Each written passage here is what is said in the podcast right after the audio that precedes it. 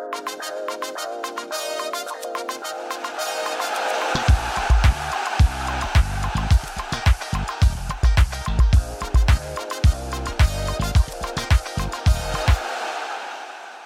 Derby-sejr i parken med fans på lægterne. En lækker 2-1-sejr over Brøndby, et FCK-hold, der totalt dominerer på hjemmebane. Og Kasper, et fremragende presspil, der jo totalt holdt Brøndby for fadet i anden halvleg. Er FCK ved at finde formen til et presspil, der kan gøre os til eventuelt mestre næste sæson? Man kan i hvert fald sige, at øh, på rigtig mange parametre, så har vi øh, i de sidste to kampe set nogle øh, præstationer, og det ved du, at det jeg går rigtig meget op i, som, som peger helt sikkert i den rigtige retning, ja. Og dermed rigtig hjertelig velkommen til endnu en udgave af Kvartibolt for os, der elsker FCK. Vi skal tale meget mere om presspil i den her udsendelse, og på programmet i dag, der har vi også, hvad vi lærte af Brøndby-kampen, Jes Torups allerstørste hovedpine, tre ting, vi skal holde øje med i kampen mod FCM, status på kampen om medaljerne, og så skal vi runde ugens Pelle Peter-effekt. Der ligger tidskoder i shownoterne, så man kan hoppe direkte til det indhold, man allerhelst vil høre. I studiet i dag er som sædvanligt Kasper Havgård og Kasper Larsen. Det her program det er sponsoreret af JobSherpa. De hjælper dig med at gøre dig attraktiv over for potentielle og interessante arbejdsgivere. JobSherpa skærper din profil, laver din ansøgning, skriver dit CV og gør din LinkedIn-profil til en lækker bisken for arbejdsgiverne. Du kan læse mere på jobsherpa.dk, j o b s h i r p a.dk. Der ligger også et link i shownoterne. Og Kasper, vi sidder jo i dag i parken dagen efter en Brøndby-sejr. Det er jo en fantastisk følelse at lave podcast på sådan en baggrund. Vi øh, knokler med at lave den her podcast for alle FCK-fans, og I lytter har været rigtig gode til at give os en god feedback på, hvad I synes er interessant og mindre interessant, og bud på emner og gæster, vi bør tage op. Men vi har seriøst brug for din hjælp, for vi vil nemlig rigtig gerne nå ud til langt flere FCK-fans, end vi gør i dag.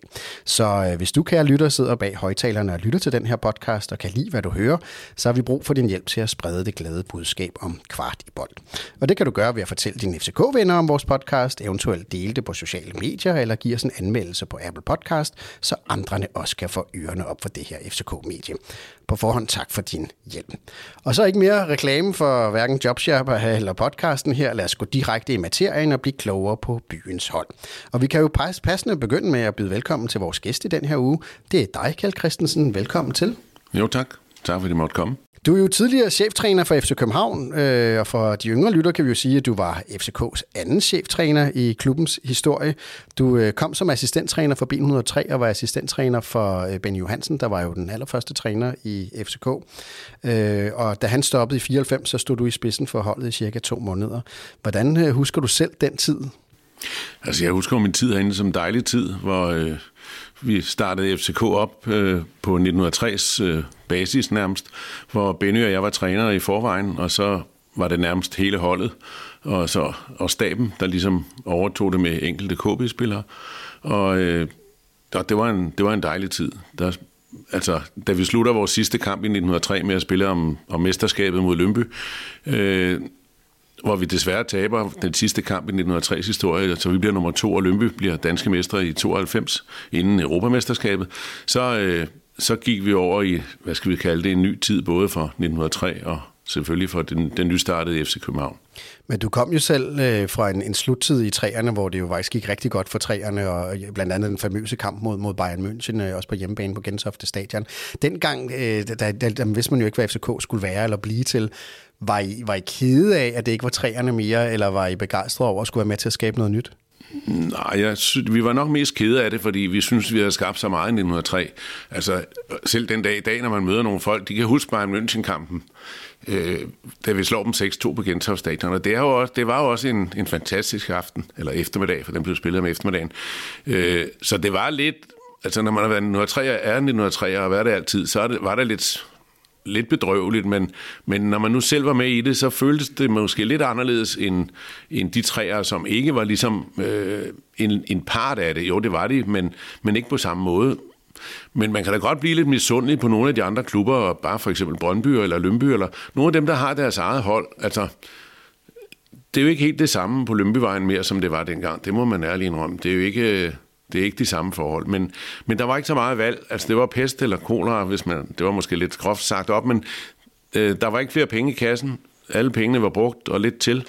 Og så var der den løsning, hvem skulle man gå sammen med? Og så endte man med at gå sammen med KB, og, og det set i bagspejlet var det jo rigtig, rigtig godt. Det har i hvert fald bevist beviser, at øh, vi, man kunne skabe en stor klub i, i København, som har været en stor klub igennem rigtig mange år, øh, selvom det lige har haltet lidt de, de sidste par år. Men det kan jo godt være, at mesterskabet glipper i den sidste sæson med, med, med B103, men I vinder jo faktisk i FCK's øh, allerførste år, så vinder I jo faktisk mesterskabet. Vi vinder mesterskabet det første år og fører faktisk inden sidste spillerunde i året efter, hvor vi så går over og taber 3-2 til OB. Hvor så Silkeborg, som vi havde udspillet i parken ugen inden og vinder 4-1, de vinder så på hjemmebane, og så bliver Silkeborg øh, mestre med Bo Johansson i stedet for, øh, hvor vi skulle have. Vi fører 2-1 ved pausen, og så laver vi et par fejl og taber 3-2, og så ryger mest det andet mesterskab, vi skulle have haft der. Men din egen historie, øh, du var jo assistenttræner for Benny Johansen, som, som jo er en legende, kan man sige, øh, som, som træner. Men du er jo også selv i en meget, meget kort periode øh, førsteholdstræner. Øh, hvad, hvad er det, der sker ja, der? der? Der, der sker lidt det, at øh, øh, for det første er der ingen penge i kassen. Øh, så mange af spillerne stopper. Altså alle de rutinerede spillere stopper faktisk. Øh, 10-12 mand stopper. Og øh, Benny ville gerne have en længere kontrakt end, end øh, bare en etårig, og klubben ville lave en etårig. Og ja, det sagde jeg så ja til, at så der ligesom er mange, der, altså, øh, journalisterne, det var, jeg var lidt i modvind fra start af, vil jeg sige, altså, at næsten inden vi har spillet den første kamp, er der nogle aviser, der mener, at jeg skal fyres. Øh, og jeg står så i spidsen i seks kampe, hvor vi kun får to point, og det, er jo, det er jo heller ikke fantastisk. Og så godt nok går vi videre i UEFA-koppen ved at slå et finsk hold, men øh, så, så jeg er ubesejret i, øh, jeg er gået videre i UEFA, men, øh, men, ja, ja, men, øh, men øh, i turneringen gik det ikke, og så røg, vi ud, røg jeg ud efter seks kampe, hvor Benny så kommer tilbage og kører, kører året færdigt og får en pokalfinale til for, om foråret. Men arbejder du videre sammen med Benny der, eller stopper du helt Nej, i jeg, jeg bliver sat helt ud på, okay. på tilskuerpladserne, okay. hvis man skal sige det ja. sådan. Nå, det er jo en, en hård skæbne, kan man sige, øh, men i hvert fald så har du en plads i FCK's historie som den anden cheftræner i, i klubben overhovedet, og vi er rigtig glade for at have dig øh, i dag. Øh, du har jo arbejdet siden øh, din, din glade dage i, i både træerne og FCK, har du arbejdet som scout? Nej, jeg har ikke været scout i i øh, hverken 1903 eller FCK. Nej, det ved jeg godt, men du, du, havde, du havde en, fodboldfortid, i, i, og så har du været øh, scout i blandt andet West Bromwich, i Reading og i Norwich, og i dag er du for hollandske William Twey. Hvad, hvad, hvordan, er din, hvad, hvad, hvordan er din tilknytning til fodbold i dag øh, som scout for William Twey? Altså efter jeg stoppede i, der, helt tilbage i 90'erne, der var jeg øh, to år i Lønby og havde deres, øh, det der svarer til U19 nu, øh, med, hvor blandt andet Rommedal startede op, og, og så, øh, så hjalp jeg en agent lidt med lidt... Øh, opsøgende arbejde, hvor jeg så lærte nogen at kende i, i fodboldverdenen rundt om i de andre lande, og, og det høste jeg ligesom lidt frugter af, hvor øh, der var nogen, der manglede en, øh, en scout, øh, blandt andet West Bromwich, og de engelske klubber, jeg var i der, inden jeg kom til William Tvej. Og hvordan, er, hvordan ser en aktiv karriere ud som, som scout for William Tvej? Altså, hvad består dit arbejde i i dag? Det er, ja, hvad skal man kalde det? Det er ikke noget job som sådan, det er mere en lidt fritidsbeskæftigelse, men dog øh, men dog, altså, jeg skal søge, se det danske marked, og så lidt i det, det svenske. Så du følger rigtig godt med i fodboldverdenen i dag, går jeg ud fra, se, for at se en del kampe? Ja, jeg ser lige så meget fodbold, som jeg har gjort altid. Måske lidt mere end det, men nu har det været lidt svært at komme til fodbold de sidste års tid eller to, så, så det har været lidt foran skærmen, man har måttet måtte scoute foran skærmen. Og det med, apropos til fodbold, jamen så så vi alle tre en, en kamp i går, og det gjorde vi mod Brøndby, og øh, det endte jo rigtig lykkeligt. Øh, så den skal vi jo snakke lidt om, hvad, hvad vi lærte om den. Øhm, men først så skal vi lige høre, vi har en, en husstatistiker, der, øh, hvad hedder det, Henrik Tustrup, som har taget nogle data på kampen i går, som vi lige skal høre, inden vi taler om, hvad vi lærte af Brøndby-kampen. Umiddelbart var det en tæt kamp, dog er der i data tegn på et FCK-hold med mere spil og flere chancer end Brøndby. XG var til FCK fraregnet straffesparket 1,11 og 0,8 til Brøndby. FCK har i kampen øh, 19 afslutninger med to skud på mål. De to skud er øh, straffesparket og øh, Rasmus Falks afslutning efter 51 minutter. Rasmus' afslutning har en XG på 0,36. Brøndby de har øh, 8 afslutninger og to skud på mål af de 8 afslutninger. FCK har i denne sæson haft øh, lige under fire skud øh, uden for feltet i gennemsnit, øh, og i går der havde de otte styk. I forhold til afleveringer, så havde FCK 124 flere afleveringer end Brøndby, og de var samtidig mere præcise. 84% mod øh, 73%. FCK havde 46% af sine afleveringer på Brøndbys banehalvdel, hvorimod Brøndby kun havde 27% af deres afleveringer på FCK's banehalvdel.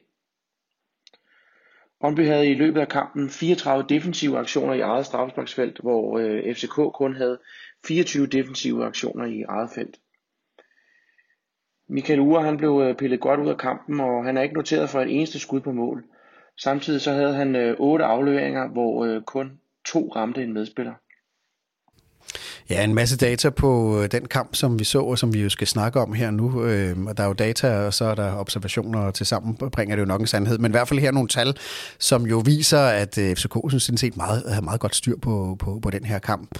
Øhm, presspillet var jo ligesom en af nøglerne til ligesom at, at få styr på Brøndby, og man kan sige, vi, vi, vi snakker lige om presspillet her indledningsvis i, i, i den her udsendelse. Øh, Kjeld, øh, hvad var du, du så i, i forhold til presspillet af FCK i går, som var så, så godt i forhold til at holde Brøndby for chancer? Ja, først, først vil jeg lige, hvis jeg lige kan lægge en kommentar til, ja, til, øh, til de data, der kommer på det Og det er jo det, det, mange bygger jo scouting nu på data i stedet for. Så scoutens job er ligesom forandret, fordi man kan jo gå ud fra de data, og så ligesom bygge op på det og sige, hvad er det for nogle spillere, vi mangler? Er det nogen, der skal være gode i presspillet? Og hvordan bliver man gode til presspillet? Det har jo ændret sig lidt, efter målsparket ikke skulle ud af feltet. Der, jo, der startede det første pres jo allerede. Øh, nogle hold lægger jo pres helt deroppe, når bolden skal sparkes ud på målspark. Og FC Nordsjælland var jo ligesom dem, der, der øh, ligesom lukrerede mest på det, at folk bare gik tilbage og stillede sig, og så kunne de spille sig ud. Nu er næsten alle hold oppe og, og presse fra start af, altså helt oppe i modstanderens strafsparksfelt med alle mand. Så det bliver mange mand-til-mand-dueller, at man skal tage sin mand, ellers så, så, så virker presset ikke, hvis der bare er en, der står af. Men det så vi vel også i går. Altså FCK var jo rigtig øh, aggressiv op omkring øh, strafsparksfeltet, når, når Brøndby havde målspark. Ja, de var rigtig, rigtig gode til det. Og, og hver mand tog, tog sin del af, af slaget. Men hvad, hvad synes du, det var, der lykkes i går i forhold til presspil og i forhold til at holde Brøndby, som jo er et, et rigtig farligt hold, øh, og som scorer rigtig mange mål, og som har nogle rigtig hurtige på omstillinger. Hvad var det, der gjorde, at de nærmest ikke fik en eneste chance i anden faren, faren ved at gå sådan på Brøndby er jo, at de er fan, altså deres omstillinger er jo fantastiske, fordi de har de to hurtige op foran. Og de søger jo hele tiden den mulighed for at stille, spille dem i dybden, fordi deres to angriber er hurtigere end, øh, end mange af forsvarsspillerne. Og derfor så øh, prøver de meget tit at stikke afsted med en dyb. Og så er det ligesom, hvor højt kan man sætte bagkæden, når man går helt derop. Det kræver, at bagkæden følger med op, sådan så der, der bliver nemlig det hul bag i, som Brøndby kan spille i. Men de blev stresset rigtig godt i går, sådan så de ikke fik mulighed for at spille de der bolde ned. Og Kasper, hvad hedder, du så jo også kampen øh, for, for ned at se her.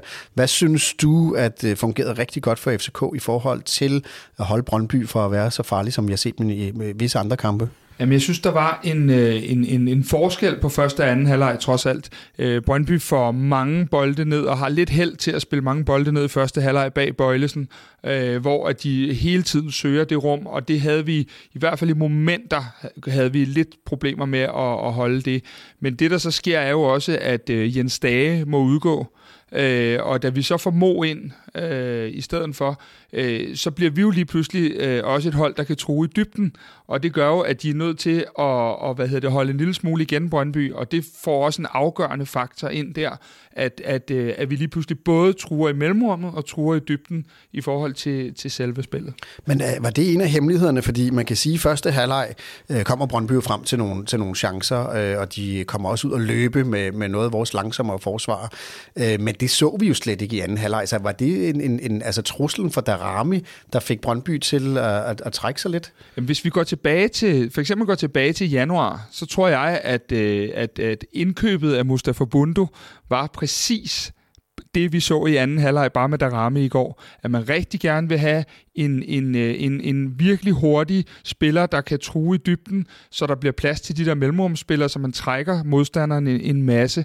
Samtidig så har man Pep Biel, Rasmus Falk, Jonas Vind til at løbe ind i de der små mellemrum. Så jeg tror rent faktisk, at det udtryk, vi spiller med i anden halvleg, er fuldstændig det udtryk, som, som de gerne ville have spillet med fra starten, men som af flere årsager ikke har kunne, kunne, kunne ske før nu synes, jeg synes, øh, tidligere har de også spillet, som de gjorde i går. Der var en periode, da de første to-tre kampe under to var spillet, øh, og det, det forløb jo skidt, da, da Torup så vender til, hen til den rolle, han godt vil spille i, der fungerer det jo rigtig, rigtig godt. Enig, enig. Øh, og der var en helt stribe af kampe, hvor det mindede lidt om den i går, med det samme intensitet, samme vilje for at løbe for hinanden. Lidt i går øh, i første halvleg, der Mensa og Jesper på hver sin øh, flanke af Brøndby, de, de, er jo, de overløb jo vores bakker indimellem. Der overløb de dem jo. Men der kommer Sanka jo helt fantastisk ud og bakker op i flere, i flere situationer der.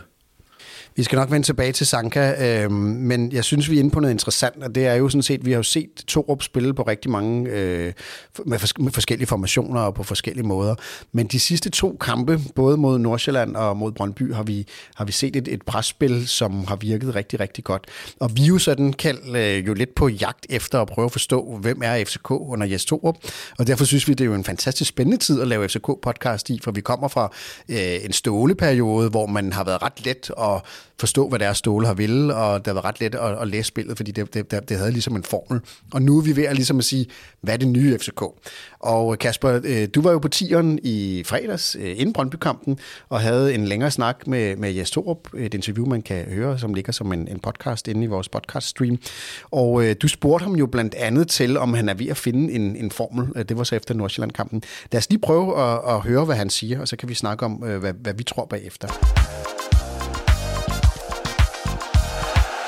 Så i den perfekte verden, efter sommerferien, hvad er det så for et hold? Er det et hold lidt af det, vi så mod Nordsjælland? Er det lidt den måde, Jes Torup gerne vil spille på i FC København og kendes for her? Ja, hvis vi skal tage kampen mod Nordsjælland, så synes jeg, at vi var stærke på bolden. Vi var stærke til at bygge op, vi var stærke til at have god possession, men samtidig skabe chancer.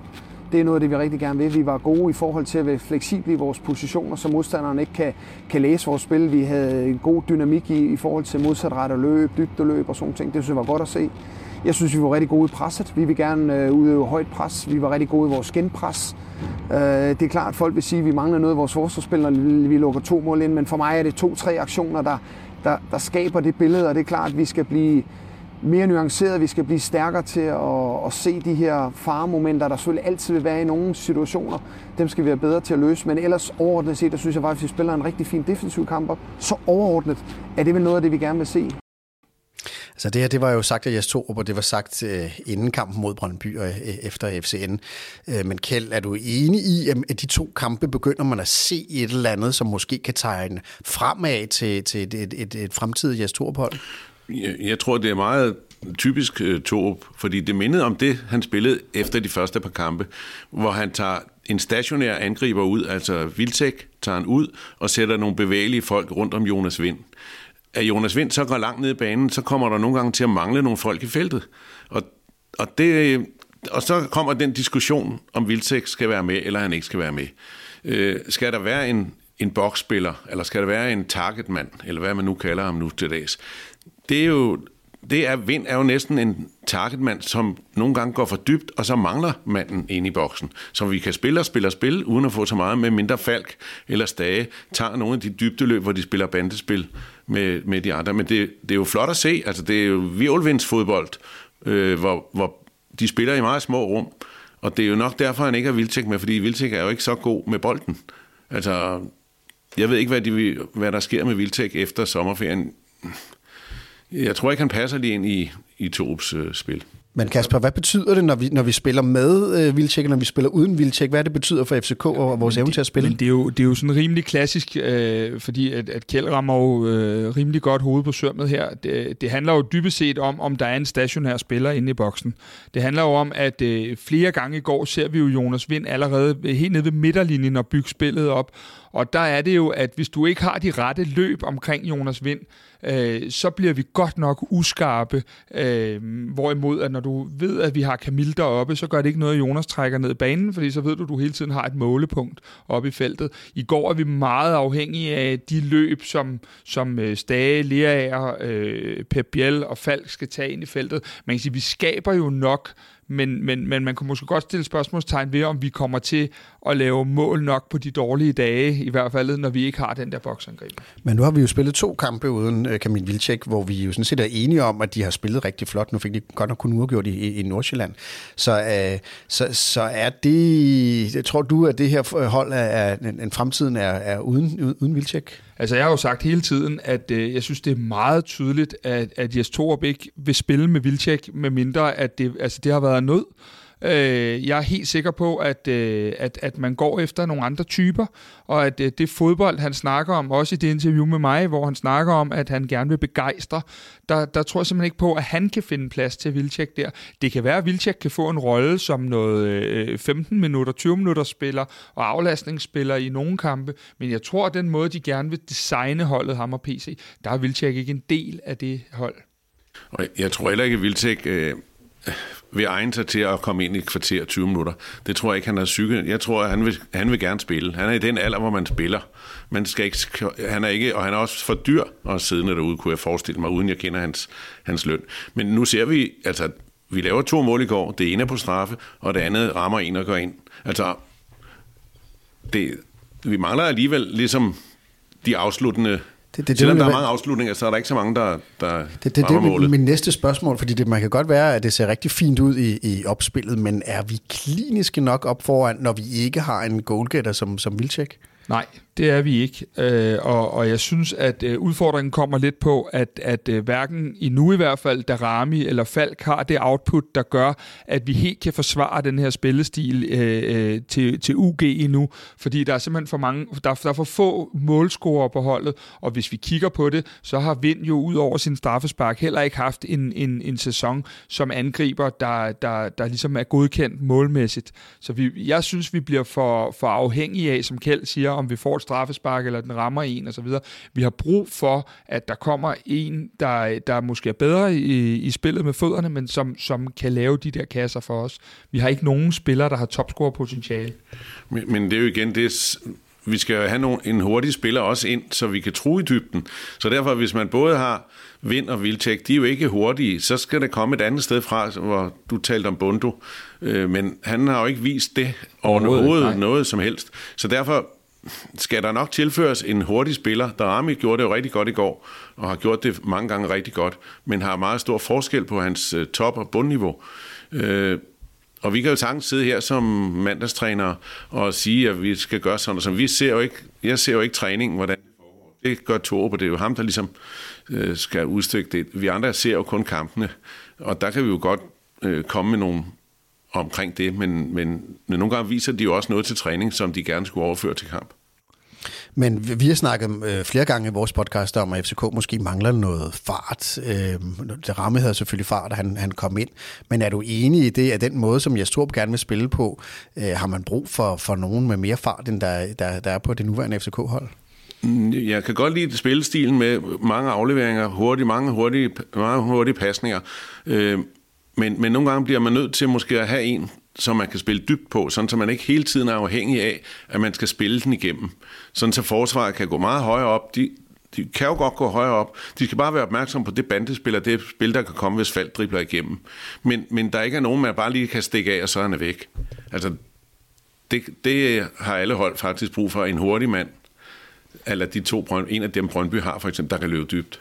Og så, så er det jo også, det er jo lidt absurd at sige det her, fordi FCK er faktisk det mest scorende hold i år. Der er godt nok også scoret rigtig mange mål mod os, men vi er det mest scorende hold. Men man har jo lidt den her, hvor skal målene komme fra? I går der kom de også fra et, først og fremmest et selvmål, og så et, et, et varstraffe. Så de der, du ved, det kan godt være, at man kan spille, øh, sidde på bolden, øh, det kan godt være, at man kan spille sig frem til mange chancer, men hvis man ikke har de der øh, topscorer, der laver øh, i hvert fald 15-20 mål øh, på en sæson, så kan man godt blive lidt i tvivl om, hvor målene skal komme fra. Så længe du bruger Jonas i den rolle, du gør nu, så er du simpelthen nødt til at have noget ind, der er garant for de der 15-20 sæsonmål, fordi jeg kan sagtens se en masse andre spillere ligge på en 5-7 mål på en sæson, men der er faktisk, øh, hvis du piller straffe øh, ud, så er der jo ikke nogen, der har lavet et tocifret antal mål i truppen, og skal du være dansk mester Lige i øjeblikket er den også billig til salg, fordi det er et lavt pointsnit, så du er simpelthen nødt til at få lavet flere øh, mål, også fordi, at jeg tror, med den her spillestil kommer vi ikke til at se, at vi holder nullet på samme måde, som vi har gjort i, i andre sæsoner med Ståle. Der vil gå flere mål ind, ikke i den mængde lige nu, tak, men der vil stadig gå flere mål ind, og det vil sige, at vi kommer også til at skulle lave flere mål for at vinde kampene generelt. Og så kan man jo sige, altså det er jo ikke fordi, vi ikke spiller os frem til chancer, men målene kommer jo nok ikke fra Falk. Altså han skylder jo i hvert fald et mål øh, øh, oppe i Farum øh, i Nordsjælland, og han skylder formentlig også et, et, et, et mål i går. Så det er jo det der med, hvem falder chancerne til, og det, jeg tror ikke, det er Falk, vi skal, vi skal regne med 20 mål fra, fra om året. Nej, det tror jeg heller ikke. Nogle gange kommer de jo lidt i stimer. Hvis man er inde i en god periode, så er det næsten lige meget hvad, så går de bare ind. Men, men den har Falk ikke lige ramt endnu, men, men det kan jo godt komme. Men, men øh, Jonas Vind har jo heller ikke spillet alle kampen. Nu ved jeg ikke, hvor mange kampe i alt han har spillet, men, men øh, han har jo lavet otte mål på, jeg ved ikke, men han er i hvert fald siddet ude et godt stykke tid. Så øh, han kan godt lave de mål, der skal til. men det er ikke sikkert, at vi får lov at beholde ham over sommeren. Nej, det er, og, og, og igen, altså jeg, jeg er jo en af dem, der synes, at han er en af de absolut bedste spillere i hele Superligaen, men, men i forhold til design og udtryk, og især presspillet, så tror jeg ikke, at vi vil have noget problem med i ledelsen at, sætte, øh, at sende ham afsted for, for 75-80 millioner, og, og erstatte ham med nogen, der måske passer endnu bedre ind i designet, end Jonas Vind gør, fordi jeg tænker, det er som et spørgsmål til dig, Kjeld. Jeg synes nogle gange, at, at udfordringen med Jonas Vind er også, at han ikke er særlig dygtig i det første pres. Ja, men, men alligevel er han så god en fodboldspiller. Altså, så han kan næsten alle ting. Ikke? Han kan hætte, han kan spille sammen med Afgjort. de andre, han kan score. Altså, man mangler nogle gange at se lidt fart fra en side, men ellers, og han går med, han, han presser, synes jeg, det han skal. Øh, så, så jeg synes, det er svært at finde en i, til en, bare en rimelig penge, der er hans kaliber. Det findes ikke. Nu har vi snakket lidt om, at, øh, at, at der, der, der er lidt om, hvor målene i virkeligheden skal komme fra, og vi ikke har den der goalgetter. Men der var jo rigtig mange positive ting for FCK i går. Øh, og en af de ting, som jo er, at vi begynder at spille med Per Biel igen. Og Kasper Larsen, hvordan ser du øh, hans rolle på, på det FCK-hold, som vi så i går? Jamen først og fremmest, så kan man sige, at Per Biel løber 12,2 km i går. Det er rigtig, rigtig stærkt. Han spiller der også så meget possession. Øh, han har en ting, han skal lægge fra sig stadigvæk, og det er, at han har nogle gange nogle boldtab på nogle, nogle lidt uheldige steder, og, og øh, møder man på dagen et godt hold med de omstillinger, så er det en af de ting, der, der øh, virkelig kan blive farlige mod os. Men, men hans touch på bolden er helt unik det vi måske skal til at, at have, han skal lægge på også, det er, at han skal, have, han skal have lidt mere output på. Altså han skal bringe sig selv i nogle flere situationer, øh, hvor han enten kan få næst sidste fod på, eller, eller blive mere farlig selv. Øh, men overordnet set, hans spilforståelse er vel på, på øh, noget nær det højeste niveau, du ser her øh, Superliga-mæssigt. Jeg er ikke så begejstret for ham. Jeg synes, han er, jeg synes, han man ser ham ikke rigtigt. Man ser ham ikke nok i kampen. Øh, du siger, at han har løbet 12,3 km. Altså, han er, en meget, han er på det punkt en god holdspiller, arbejder for holdet, går godt i pres, men man, for, man kunne godt forvente lidt mere, at de der chanceskabende afleveringer, afslutningerne på mål, at altså, han skal vise sig mere frem i kampen, fordi jeg synes ikke, man ser ham nok. Men kan du, kan du se en plads på ham i, på fremtidens FCK, når vi begynder at tale næste sæson, med de ting, som vi har set i år? Altså fordelen ved ham er jo, at han er bedst ved at trække ind i banen, og så kommer, og så kommer Ankersen op på kanten. Og det er jo, altså Ankersen skal jo ikke have en, der løber derude, fordi så står han i vejen lidt for, for Ankersen, og han kommer hele tiden op på den kant. Så derfor kan det godt være, at der skal være en, der går ind i banen, men jeg synes, nu ved jeg heller ikke igen, hvad han har kostet, men, men det lød som om, at det var en af vores dyre spillere. Øh, jeg synes ikke, han bringer nok, hvis han er en af vores styrespillere, så bringer han ikke nok, synes jeg, til, til det samlede billede. Men han har jo haft en noget svingende tid, øh, både under Ståle og under Jes Torup.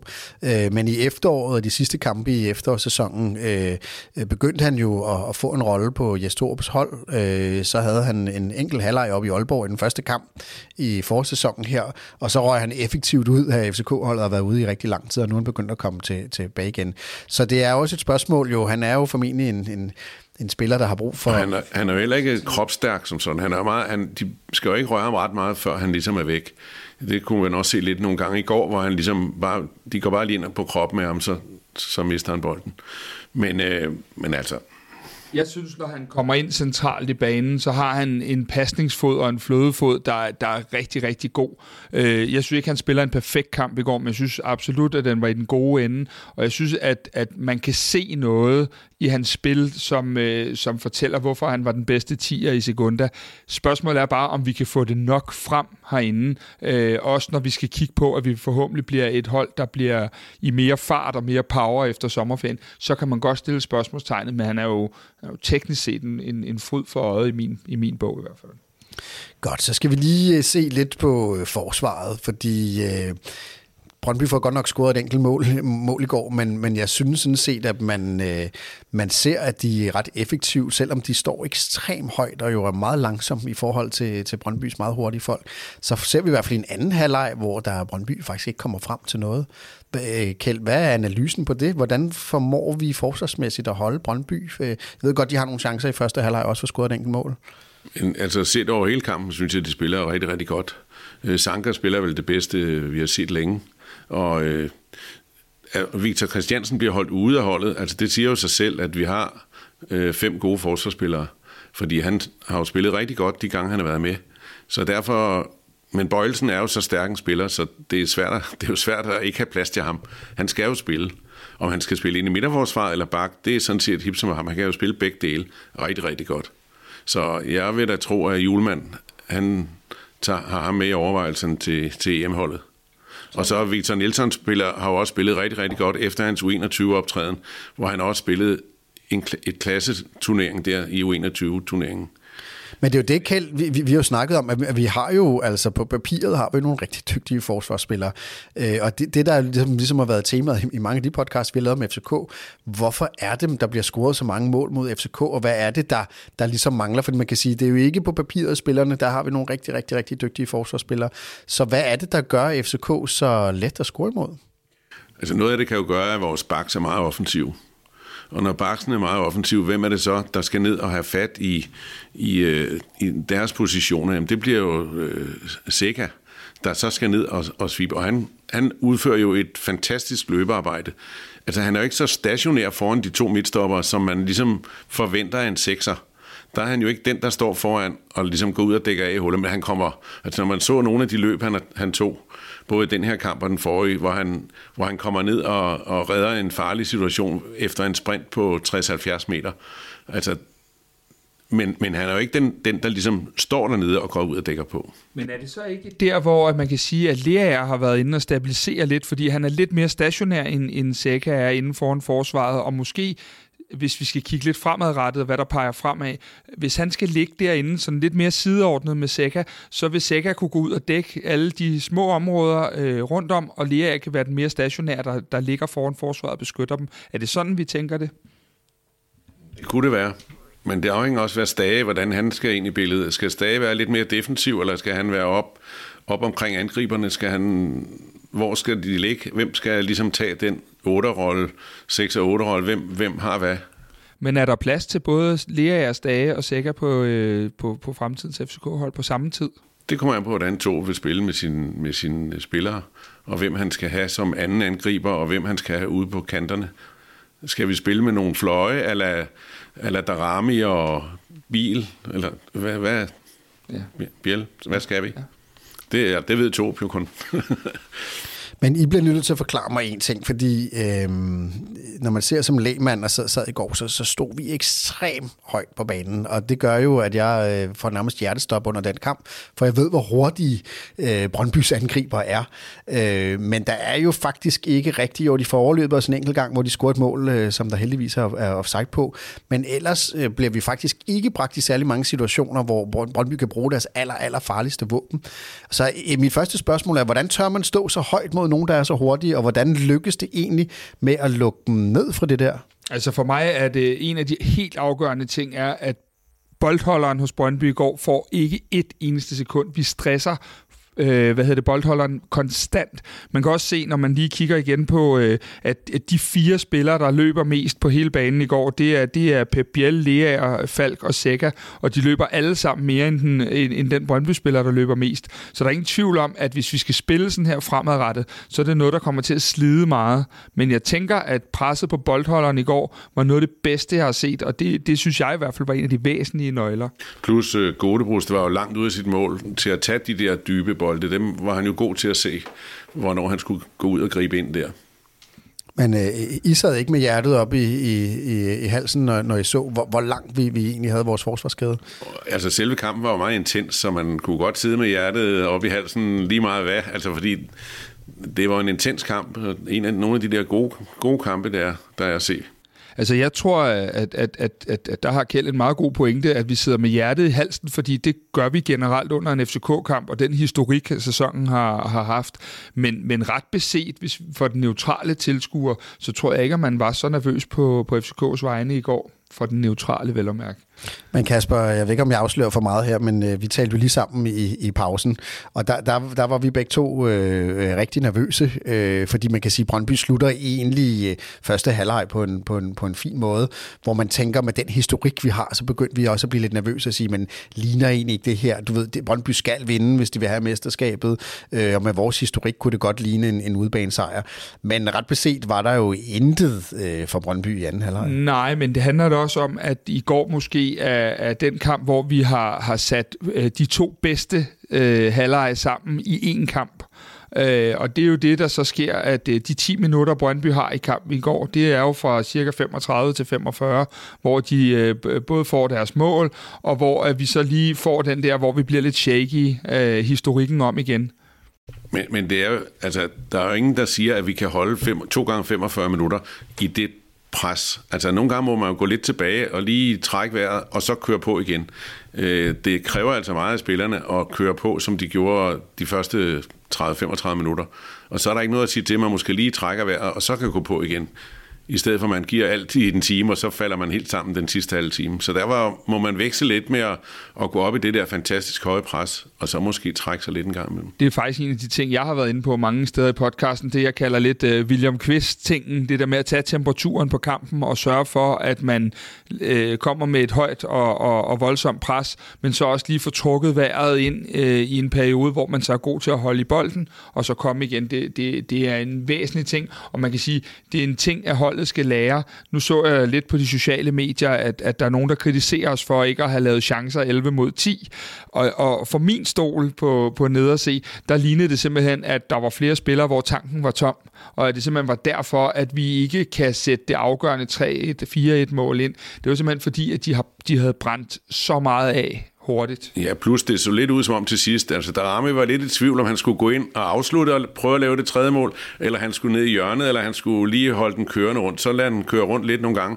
Altså, man var lidt i tvivl. Skulle man satse på det tredje mål, eller skulle man køre bolden rundt? Fordi Brøndby har jo tusset os før øh, ved at score ind i overtiden. Så derfor så, så var man lidt i tvivl, så det ud som om, om man skulle gå efter det tredje mål, eller spille rundt om dem. Og de, jeg synes, de spillede godt rundt om dem. De holdt godt fat i bolden. Men viste det ikke også lidt en modenhed for, for Darami i går, at han ligesom kan sige, en, en ung spiller, han øh, har jo lyst til at gå mod målet hele vejen igennem. Og han er jo faktisk lidt klog og lidt rutineret en gang imellem løb ned mod hjørnefladet og lidt frem og tilbage igen. Det, det var vel en modenhed i hans spil, som vi ikke nødvendigvis har set før. Ja, han, han havde et godt, meget godt, fantastisk indhop faktisk. Ja, skal vi ikke lige vende Rami, fordi man, man bliver jo glad. Øh, jeg sad over på, på A-langsiden, og når man ser ham løbe op og ned af den linje der, øh, og, og være så pågående, og være den trussel, han var i går, det var vel noget af det bedre, vi har set fra Darami, Kasper? Ja, det synes jeg afgjort, det var. Altså, nu, nu har han også fået lavet det der hår, så, øh, så var der lige et par gange, hvor jeg tænkte, om, om Zuma havde fået sin anden ungdom, øh, fordi der var nogle ting, der lige lignede der. Men jeg synes, at, at det, han gjorde i går, var, at han var god til at veksle i sit spil, øh, god til at udfordre øh, mange af gangene, og så øh, omvendt også god til en gang imellem lige at få den spillet rundt. Så, så, så han blev ikke så forudsigelig, som han nogle gange er, fordi han nogle gange bare springer rundt øh, sådan med hovedet under armen. Det var en moden indsats, hvor at han vekslede øh, rigtig meget i sine aktioner. Og så var han lidt af en mundfuld for, for Brøndby, som du også selv var, var inde på. Ja, de var da nødt til at øh. skifte øh, Jørtur Hermansson ud med sit gule kort, fordi ellers så er jeg ret sikker på, at han ikke har spillet kampen færdig heller. Nå, men vi skal lige tilbage til forsvaret, for vi kommer nok udenom at tale om Sanka, som øh, formentlig var, var, var man of the match. Øh, spillede en, en fremragende øh, kamp øh, med, med reminiscens af noget af den storhed, vi, vi kender fra, fra, fra tidligere. Og så hopper vi lige over i, i et andet segment, som vi plejer at have i, i vores podcast her, og det er, at vi plejer hver uge lige at vende, hvad er Jes Torups allerstørste hovedpine. Men inden vi taler mere Sanka, så har vi bedt vores statistiker Henrik Tustrup om at trække lidt data på Sankas performance i går, som vi lige først skal høre.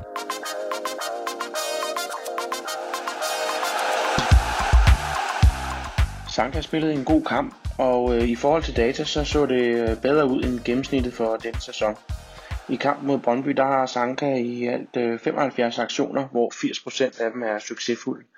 Øh, gennemsnittet i sæsonen er 76% øh, succesfulde aktioner per kamp. Sankas afleveringspræcision var helt op på 90% mod øh, 86% øh, i gennemsnit den her sæson. Han vinder 83% af sine defensive dueller mod øh, 69% over sæsonen. Han har ni opsnapninger, og øh, han taber kun bolden tre gange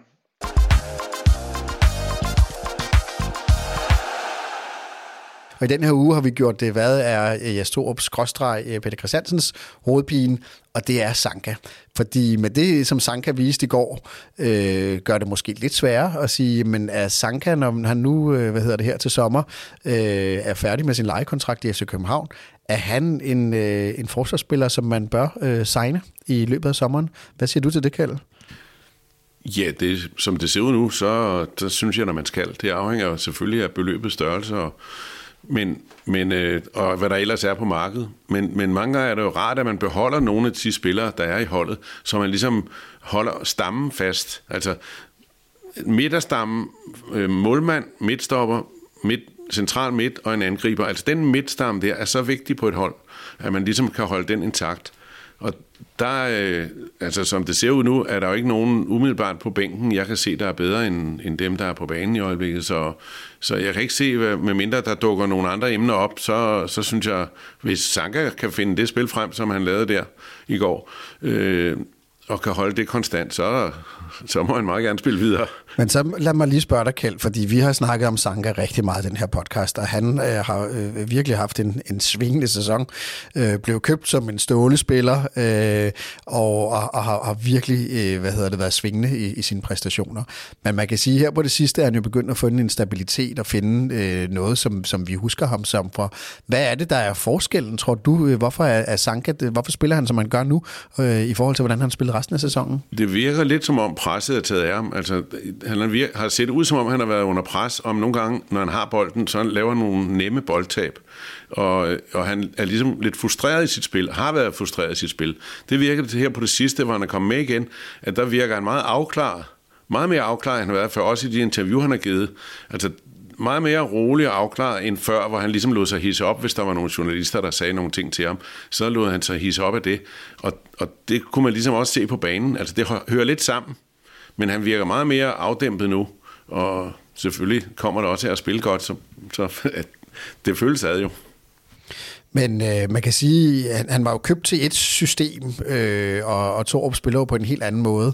Er, er det måske også været, at han, han ligesom har skulle vende sig til, øh, til den her måde at spille fodbold på? Altså, øh, det, det tror jeg ikke, der er nogen tvivl om. Og så tror jeg egentlig, at Jes har sagt det meget godt, at øh, Sanka muligvis i en periode meget ansvar. Øh, og nogle gange, når du tager for meget ansvar, øh, så sker der det, at det kan gå ud over din egen præstation. Øh, og mig, som ser træningen flere gange om ugen, kan jo se, at han øh, muligvis er, er den største af vores ledere, når vi ser ude på tieren. Øh, det er alle øvelser, han går forrest og er meget verbal og, og så videre. Og jeg tænker, at, at øh, det virker som om, at der er kommet mere, som Kjeld siger, mere ro på. Øh, det har smittet af hele vejen rundt i interviews, i boldomgang øh, og så videre, så videre. Fra han kommer ind i den Nordsjælland-kamp, hvor Bøjle bliver vist ud, der har han jo faktisk spillet øh, rigtig, rigtig stærkt øh, det meste af tiden. Og så har vi jo egentlig også talt om, at øh, er han en publikumspiller? Altså har han, øh, er han en, der bliver lige øh, 10% bedre, når der er et fyldt parken? Selvfølgelig gør han det. det Sanka lever under af det der øh, samspil med publikum og så videre. Men hvis jeg lige skal komme tilbage til dit første spørgsmål, om vi skal forlænge med ham, øh, så synes jeg, at øh, nu sidder vi lige i dag og har en eller anden jubelrus over den kamp, der er spillet i går, og, og, og der er man på vej til at, at give hele holdet 10 år mere og så videre, når man har vundet Derby. Men jeg synes, der er nogle ting her. Øh, jeg synes, at vi øh, har begået nogle fejl de sidste år ved at, at give spillere, der er ikke oppe i årene, men som i hvert fald heller ikke er i deres prime længere, at vi har givet dem alt for lange kontrakter og dyre kontrakter. Øh, nu skal Bjelland ikke altid være, være casen, men, men, men, men han er jo på en eller anden måde symbolet på det. Hvis jeg var Peter Christiansen, så ville jeg øh, forsøge at give Sanka en, øh, en toårig kontrakt og, og gå langt for, at det var en toårig, og så øh, måske med en option på et år mere. Øh, som vi hørte, er der nogle ting, der, der holder Sanka måske endnu tættere til København nu, hvis muligt. Øh, og jeg tænker, at, øh, at Peter Christiansen nok er i en situation lige nu, hvor at, øh, at han også har nogle meget gode kort på hånden i den her sammenhæng. Det er godt. Jeg tror, øh, at vi øh, runder Brøndby-kampen af her. Fantastisk. Øh, vi vandt det andet derby i, i træk. Det har vi jo ikke nødvendigvis øh, været vant til over de, de sidste par år her. Så rigtig mange positive ting at tage med. Jeg lagde mærke til, at jeg stod op i, i interviewet efter kampen i går sagde, nu kan vi næsten ikke vente med at komme ud øh, og, og skulle spille mod Midtjylland på onsdag. Så det er selvfølgelig den kamp, vi skal vende her nu, for der venter jo en ny, kæmpestor kamp hjemmebane øh, i parken. Øh, hvis, vi var jo i, i, i Midtjylland øh, for, ja, hvad er det, to uger siden, og det var vel et, et af lavpunkterne for den her sæson. En, en kæmpe ydmygelse øh, blev vi sendt hjem med. Øh, Kasper, hvad skal FCK gøre øh, for øh, at øh, undgå en lignende ydmygelse? Jamen, øh, inden jeg svarer på dit spørgsmål, så bliver jeg nødt til lige at komme med en, et, et rigtig surt opstød. Jeg synes, det er tæt på en skandale, at, øh, de, at kampene i den næste runde ikke spilles samtidig. Jeg synes, det er øh, en katastrofe, at vi skal spille mod Midtjylland om onsdagen, og at Brøndby møder AGF om øh, torsdagen. En hver liga med respekt for sig selv skal have en god sportslig afslutning, og vi kan faktisk ved en sejr øh, spille, spille AGF, øh, så de hverken kan blive treer eller femmer. Og jeg synes ikke, at, ikke fordi det skal handle om os, men for sporten øh, fairness, og for at man skal undgå alle de forskellige konklusioner, øh, folk kan lave ved det ene og det andet og det syvende resultat, så bør man kigge på, at de to sidste runder naturligvis skal spilles på samme tid. Men, øh, men det, det, ja, det som din pointe, det er, at hvis vi vinder over Midtjylland, så vil AGF ikke have noget at spille for om torsdagen, når de møder Brøndby. Præcis. Øh, men der er jo, man kan sige, der er jo den, den aller sidste runde bliver spillet øh, på samme tid, og den sidste runde i grundspillet bliver spillet på samme tid. Og formentlig skal dit svar jo findes et sted i, at der sidder nogle rettighedshaver til, til tv-billederne, som jo ikke synes, at det er optimalt, at alle kampe spilles Præcis, på samme tid. men rettighedshaverne må aldrig stå over den sportslige afvikling af en uh, turnering. Det er jeg sådan set enig i. Nå, men så tilbage til mit spørgsmål, som du jo let, øh, hvad hedder det, helt uh, hopper over. Uh, sidst blev vi ydmyget i Herning. Uh, hvad skal der til, hvis vi uh, skal vende uh, vores, uh, vores spil mod Midtjylland og, og rent faktisk have en chance for at vinde? Altså først og fremmest har vi jo talt rigtig meget om, om det mentale og det psykologiske, og der tænker jeg, når vi går ind i parken, går vi ikke ind og er bagud 2-0, som man har lidt ideen om, at vi, at vi gør rent mentalt i Herning. Øh, så alene det, at den bliver spillet i parken, rykker procenterne en del.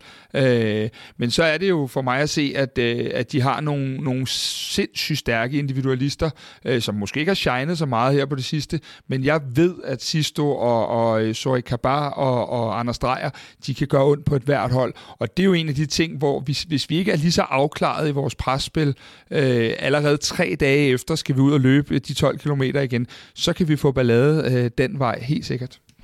Okay, så vil jeg stille det samme spørgsmål til dig. Hvad, hvad skal FCK gøre, hvis de skal få styr på et Midtjylland, som jo har været øh, ikke specielt godt spillende, men når de møder FCK, så, så er de altid øh, helt op på deres bedste? Vi har haft det meget svært mod Midtjylland i mange kampe, og øh, fordi de ligesom har sat sig på os på en eller anden måde, at deres øh, fysiske styrke gør, at vi ligesom bliver skakmat, om man kan sige det sådan. Øh, nu så jeg Randers-kampen, hvor de spiller mod Randers, og man kan jo slet ikke kende det FC Midtjylland-hold, som når de spiller mod FCK. De var virkede nærmest ugideligt. Altså, de øh, løb ikke, de fejtede ikke, de lavede, skabte ikke mange chancer, og med utur i den tager de kampen, fordi Randers scorer i overtiden en ja, et mål, der det er svært at se, om der er offside eller ikke offside. Men men at det bliver en hård kamp igen, altså hvis vi kan lave de samme præstationer tre dage efter, det kan blive svært. Jeg tror, at den her kamp vil sidde i benene i hvert fald et par dage, og håber så, at den er ude.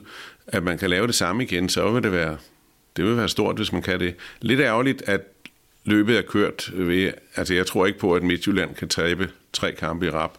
Altså, men det er jo set før. Det er, der er godt nok mange år imellem, at sådan nogle ting sker.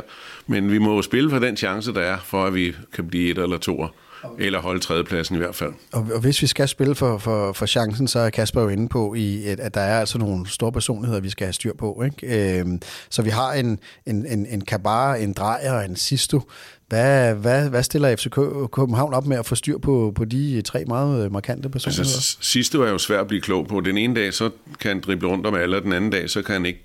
Altså, det, det er svært, men, men jeg synes, vi må køre nogenlunde, som vi har kørt øh, som vi kørte i går, og så sidde lige så tæt på dem, og så øh, håbe på, at vi kan skabe nogle chancer i den anden ende til, til at afgøre det med. Så, så Kasper, er, det, er vi begyndt ved at finde en, en, en opskrift på, hvordan et moderne FCK-hold øh, spiller under Jes Torup? Altså både mod Nordsjælland og mod Brøndby, er det nogle af de samme ting, som vi skal sætte i spil mod et Midtjylland-hold, eller skal vi stille op på en anden måde i forhold til øh, at, at dæmme op for Midtjyllands kvaliteter? Vi skal, vi skal ikke lave om på noget, der virker det, det synes jeg sjældent har været øh, brugbart nogen steder. Øh, jeg tænker da i højeste grad, at vi skal ride videre. Nu har spillerne haft nogle relativt store psykiske ar igennem øh, lang tid, og har haft nogle ordentlige bump på vejen. Nu er der øh, for første gang i lang tid et narrativ, hvor at øh, vi måske begynder at tale ind i bedre tider, og, og når man sådan øh, lukker sportspressen op dagen efter, så er det nogle andre ting, der står om klubben og om holdet lige nu, og de ting er vi nødt til at spille videre på og, og slå Midtjylland på det, vi er dygtige til. Men hvad var det, der gik så galt, da vi var i Herning sidst? Og hvad er det, er det helt åbenlyst, man skal gøre anderledes, end vi gjorde, da vi var i Herning for 14 dage siden?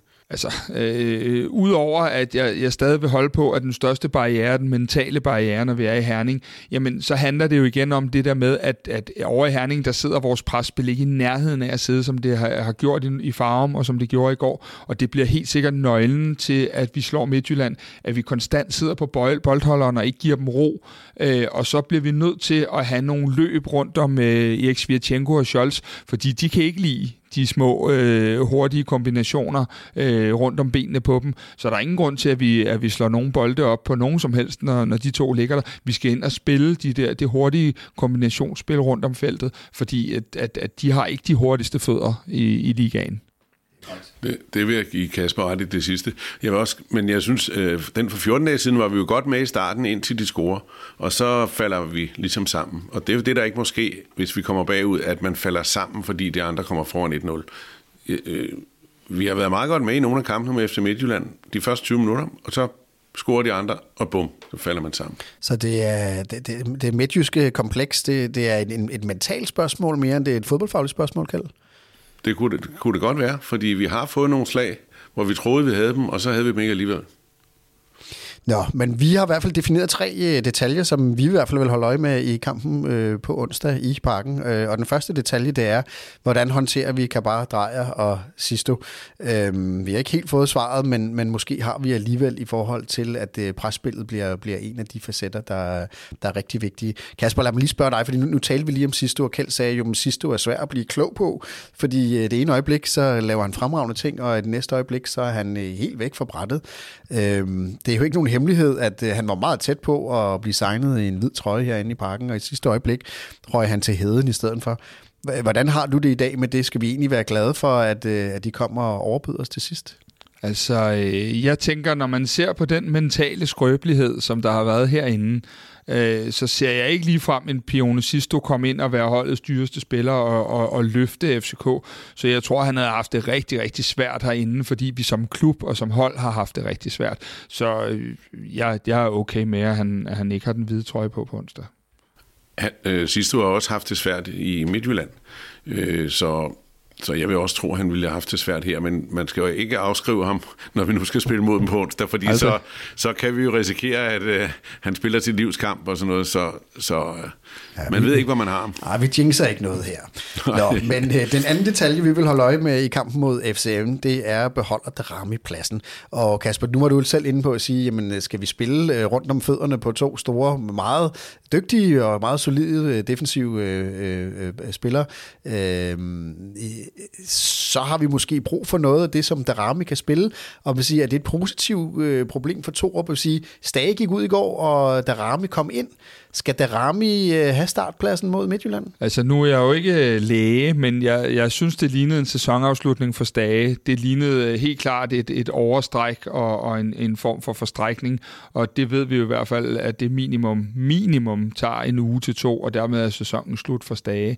Øh, jeg mener jo igen, at, at Daramis indhop, som Kjell også er inde på, er så godt i går, at du kan nærmest ikke forsvare at sætte ham af. Og så er det igen det der med, at hvis vi skal have de små mellemrumspillere ind og løbe og spille med, med Scholz og Tvirtjenko derinde, så er vi nødt til simpelthen også at kunne true i dybden øh, ude på kanten. Øh, så, så jeg er ikke til sekund i tvivl om, at sådan som vi spiller efter Stage går ud, også bliver øh, samme måde, vi, vi spiller på mod øh, Midtjylland.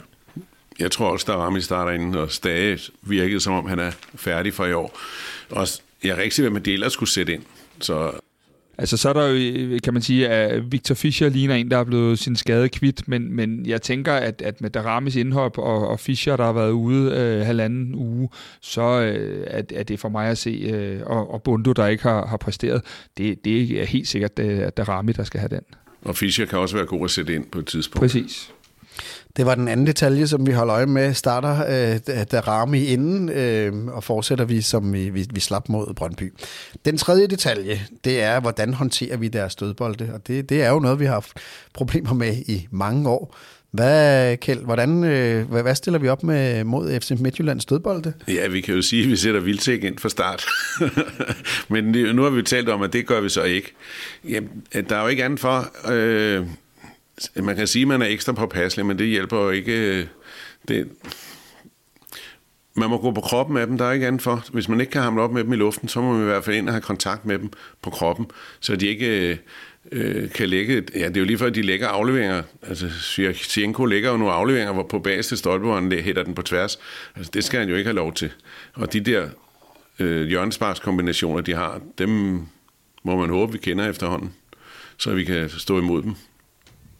Altså, jeg, jeg, jeg synes jo, at øh, Svirchenko er, er, er faktisk Superligans bedste hof, øh, offensiv hætter. Det øh, er der slet ingen tvivl om. Og man kan sige, det der med at regne med, at man kan holde ham, det, det kommer ikke til at ske. Men så er det jo netop, at vi skal kigge på, hvor vi, hvor vi øh, ellers er placeret. Fordi det er rigtigt, hvad Kjeld siger. Han har rigtig mange assist på de der øh, på de hovedstøds øh, afleveringer, han kommer til at hætte på tværs. Og det er jo de anden bolde, vi skal have styr på. Og så er der ikke andet at gøre end netop at, at være på kroppen af ham. Øh, og, og være enormt øh, påpasselig øh, omkring han, ham og, og, og på de dødbold, fordi både ham og Scholz og, og Kapper, det er noget af en mundfuld, men vi, vi har selv Sanka, vi har Nelson, vi har Jonas Vind, øh, vi, vi har Lerager, øh, vi har så ikke Stage der, sandsynligvis, så, så vi har også spillere, der kan tage opgaven, men det er godt nok et øh, opmærksomhedspunkt øh, til træning i morgen for, for Ruben derude, der, der står for dødbolden.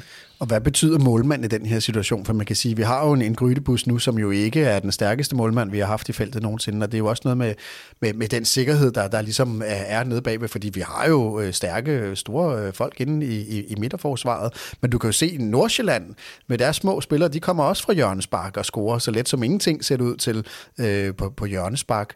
Så hvor meget betyder øh, målmanden øh, og den sikkerhed, der kommer derfra, øh, Kjeld? Det betyder selvfølgelig en del, at man har en målmand, som man ved, bliver inde på stregen og tager det, der er derinde, og så skal man altså selv klare paragraferne ud i feltet. Sådan er det primært, selvom han har en meget god springkraft alligevel, selvom han ikke er så stor. Han har et par indgreb i går, hvor han kommer godt til værs. Så øh, helt skidt er det jo ikke, men, øh, men det bliver svært, når man ved, at han står derinde. Men, men han er jo så reaktionsstærk, så han måske kan tage dem, når de, når de hætter eller sparker på mål på nært hold. Vi har i vores seneste øh, nyhedsbrev en øh, glimrende analyse fra vores øh, statistiker Henrik Tustrup, som har kigget lidt på de to målmænd øh, og, og kigget på dataen i forhold til at se, hvem, hvad, de, hvad de er gode til. Så hvis man er interesseret i, i dataanalyse og, og kigge på den performance, der har været øh, både for Kalle øh, og for Grytepust, så øh, ligger jeg et link i vores shownoter, så man kan læse vores øh, seneste nyhedsbrev. Og selvfølgelig også herfra en opfordring til at melde sig til det, hvis man er interesseret i FC København. Så sender vi et nyhedsbrev en gang om ugen, hvor vi samler alt det bedste, vi har læst, øh, og har nogle spændende dataanalyser af, øh, af forskellige problemstillinger for FC København. Altså, jeg, jeg tror, jeg synes, at det er et lidt større problem, end Kjeld synes. Øh, jeg, jeg, jeg har det... Øh, jeg, jeg, jeg synes simpelthen, at, øh, at, at han ejer feltet for lidt.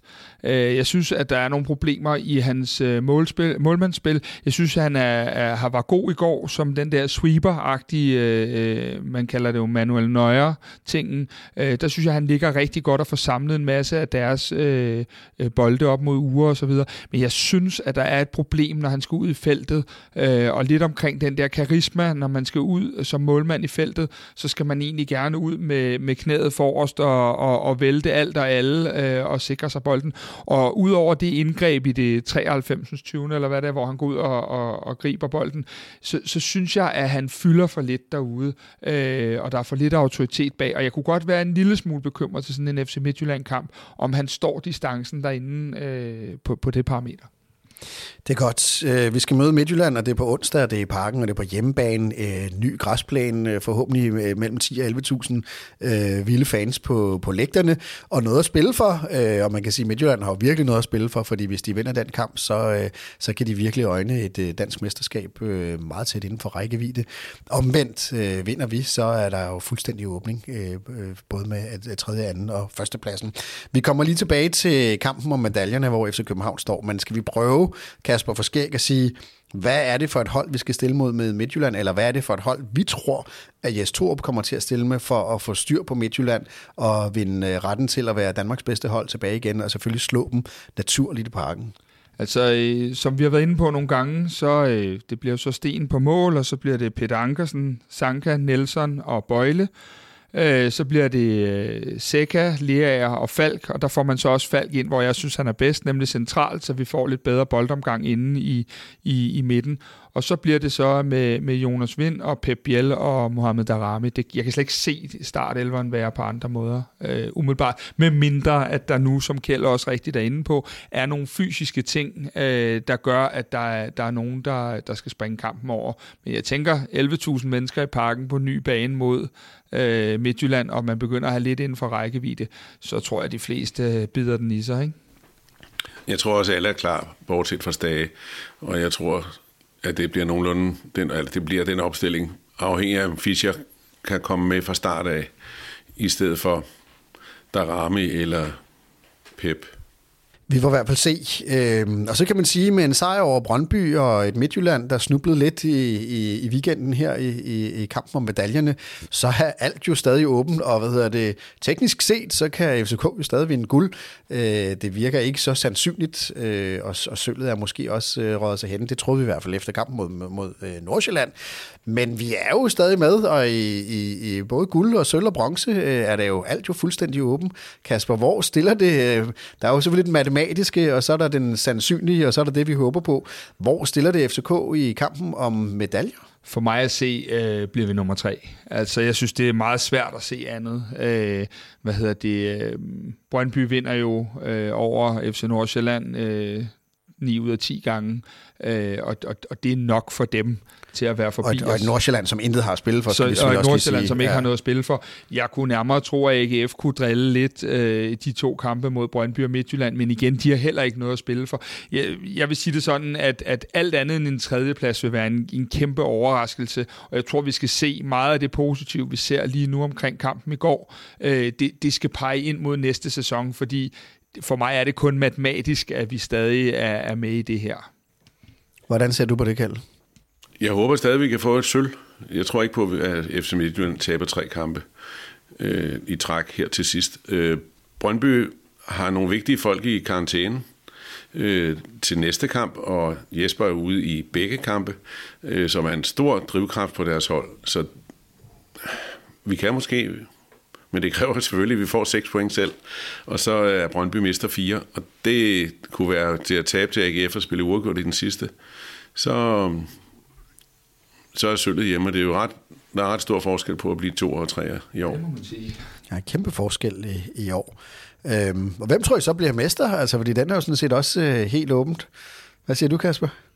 Jamen, øh, jeg, jeg, jeg hælder faktisk en lille smule til, at, øh, at det godt kunne blive Brøndby, selvom jeg vil have det øh, overalt på jorden.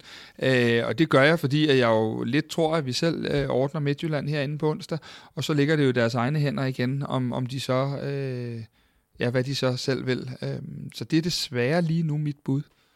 Hvad er dit bud, Kjeld? Jeg tror, at FC Midtjylland, selvom vi måske slår dem herinde, at FC Midtjylland øh, bliver mestre ved at vinde den sidste kamp, og så Brøndby ikke får de der point, de skal have. Øh, men altså, det kan jo blive, det kan jo blive ja, det hvad det skal blive. være. Ja. Altså, og, og, altså, vi kan jo risikere, at AGF går forbi os på tredjepladsen, hvis vi falder lidt sammen. Så det er jo det, der for alt i verden ikke måske. Man kan at vi skal sige... til at spille med, med vinderne af den anden af, den, af nedrykningsspillet, så Ja, og så kan vi så ikke spille den kamp i parken, på, fordi at vi jo også vores lille studie her, øh, vi, vi, vi bliver smidt ud af vores eget hus alle sammen efter på, på onsdag, øh, både, både spillere og, og ledere og, og medier. Øh, ja, vi, vi bliver smidt ud af parken, fordi UEFA overtager parken Præcis. her, ikke? Og, og vi skal også øh, rydde vores lille skybox her, hvor vi sidder og optager øh, lige nu. Man kan jo sige her, at øh, FCK øh, har jo haft en forfærdelig sæson på rigtig mange måder, men alligevel har vi over flere ombæringer ligesom spillet os ind i, i, i guldkampen igen, og så har vi over flere ombæringer tabt den igen. Og nu sidder vi øh, med to kampe tilbage af sæsonen, og det er så tæt på. Altså, sidder I ikke med en eller anden følelse af, at altså, der er jo nogle momenter i løbet af den sæson, hvor man tænker, du ved, for søren, altså man kan sige, bare kampen mod Nordsjælland i, i, i sidste uge, når vi kommet derfra med tre point, så havde det jo set helt anderledes ud. Altså, eller hvordan har I det? Altså, jeg har det sådan, at vi har mistet 32 point i den her sæson. Og når du har mistet 32 point i en sæson, så må du aldrig nogensinde være i spil til et dansk mesterskab. Det er uhørt, at det er sådan. Øh, jeg tager ikke sølvpapirshatten på, fordi øh, der har også været kampe, hvor vi har kunne pege på det modsatte. Vi øh, udligner mod AGF herinde på et straffespark, hvor dommeren faktisk har fløjtet af, og du kan finde kampe på den ene led og den anden led. Øh, tabellen lige nu viser 100% i min optik, øh, hvor vi ligger, og hvor de andre ligger, og hvad vi har spillet os til. Altså bagefter kan man jo altid finde, hvor de point ligger, man skulle have brugt øh, i løbet af sæsonen.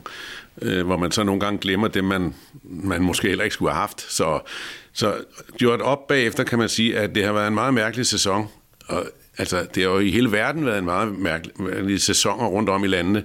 På grund af coronaen, ingen tilskuer, hvor meget det indvirkede på hjemmebane, udebane. Så, så det passer jo godt med, øh, sådan som verden har været de sidste års tid, hvor, hvor det jo ligesom øh, ja, går op og ned. Man tror lige nu, når nu går det godt, og så går det så ikke så godt alligevel. Så, og det er lidt det samme, der er spillet ind på fodboldbanerne øh, i mange lande, at øh, det har ikke gået, som det plejer, fordi ja, det er ikke pleje. Det er ikke et plejeår. Men Kjeld, lad mig lige spørge dig, fordi øh, uh, FCK-fanen øh, har vi jo været vant til, at øh, vi har været øh, nummer et i Skandinavien, vi har været nummer et i Danmark, øh, vi har siddet på tronen, vi har været, øh, som nogen siger, øh, Skandinaviens Real Madrid. Og over de sidste halvanden to år øh, har det jo været øh, nogle meget ustabile præstationer, øh, ustabile præstationer, vi har set. Og, og vi sidder jo alle sammen efter hver kamp og, og, og kigger lidt på, er der noget, vi kan hænge vores håb på? Er der øh, noget, vi ser, som fremadrettet øh, giver et perspektiv, der siger, vi skal nok komme tilbage øh, naturligt at sidde på, på tronen som Danmarks bedste hold. Øh, her med den sæsonafslutning, vi har set nu, er der noget, som du kan se, der peger positivt fremad i forhold til, nu skal vi i, i gang med en, en ny sæson allerede her til, til juli. Er der, ser du øh, positivt fremadrettet for FCK's muligheder for at, at, at, at naturligt være nummer et i Danmark? Jeg synes, det har virker som om, at de har, de er rykket tættere sammen i, i bussen, hvis man skal sige det sådan, øh, ude på tieren, øh, efter det, der skete omkring Ståle. Der virker det som om, at det er blevet mere en enhed. Altså, problemet var jo lidt, at, at øh, Ståle havde, havde faktisk... At få, altså, den konstellation med, at der var en mand, der styrede det hele, var svært på den lange bane. Og derfor var det altså kunne man sige, om kunne man have lavet en ordning med Ståle, så han stadig var der, og så var der en sportschef. Men det, det så ikke ud til, det kunne lade sig gøre. Og så virker det alligevel som om, da der var gået nogle uger, at der fandt man ligesom på plads igen. Det går så op og ned, og det gør fodbold jo. Det er jo ikke sådan, det er jo sjældent, man ser en klub sidde på tronen øh, og vinde mesterskabet 20 år på stribe. Det er jo kun i Skotland, det kan ske, og der kan man se, at det har også ændret sig i år. Men, men det går op og ned i fodbold, og jeg tror øh, sagtens med de økonomiske midler, vi har i FC København, at vi kan holde os på tronen og komme tilbage på tronen igen. Øh, også i, altså Rosenborg er jo også faldet af på den i, i Norge, og sådan går det i landene rundt omkring, at man kan ikke holde sig på toppen 20 år træk. Det kan man selvfølgelig ikke. Men lad mig lige prøve at stille dig et spørgsmål, som vi har stillet øh, flere af vores gæster, vi har haft herinde i, i, i podcasten. Hvis vi kigger de næste 10 år frem, øh, hvor mange mesterskaber tager FCK i en 10-årig periode herfra? Det kommer helt an på, hvad der sker i de andre klubber. Hvordan pengene tilstrømmer. Man siger jo, at som regel vinder, dem med pengene vinder til sidst. Øh, og, og hvis, hvis øh, økonomien er, som den har været i de andre klubber og, og, og hos os, så vil jeg tro, man kan vinde 4-5 stykker. Og så vil måske Midtjylland og hvem der ellers har pengene, så vil de tage resten. Der er utrolig mange ubekendte faktorer lige nu. Øh, nu her nu optager vi mandag i, i aften, der spiller Brentford øh, deres første playoff semifinal. Øh, hvad kommer der til at ske, hvis Brentford rykker i Premier League? Øh, hvad kommer der til at ske, hvis de ikke gør det? Øh, hvad kommer der til at ske, øh, hvis, hvis FC Midtjylland kommer i Champions League igen og får 250 millioner?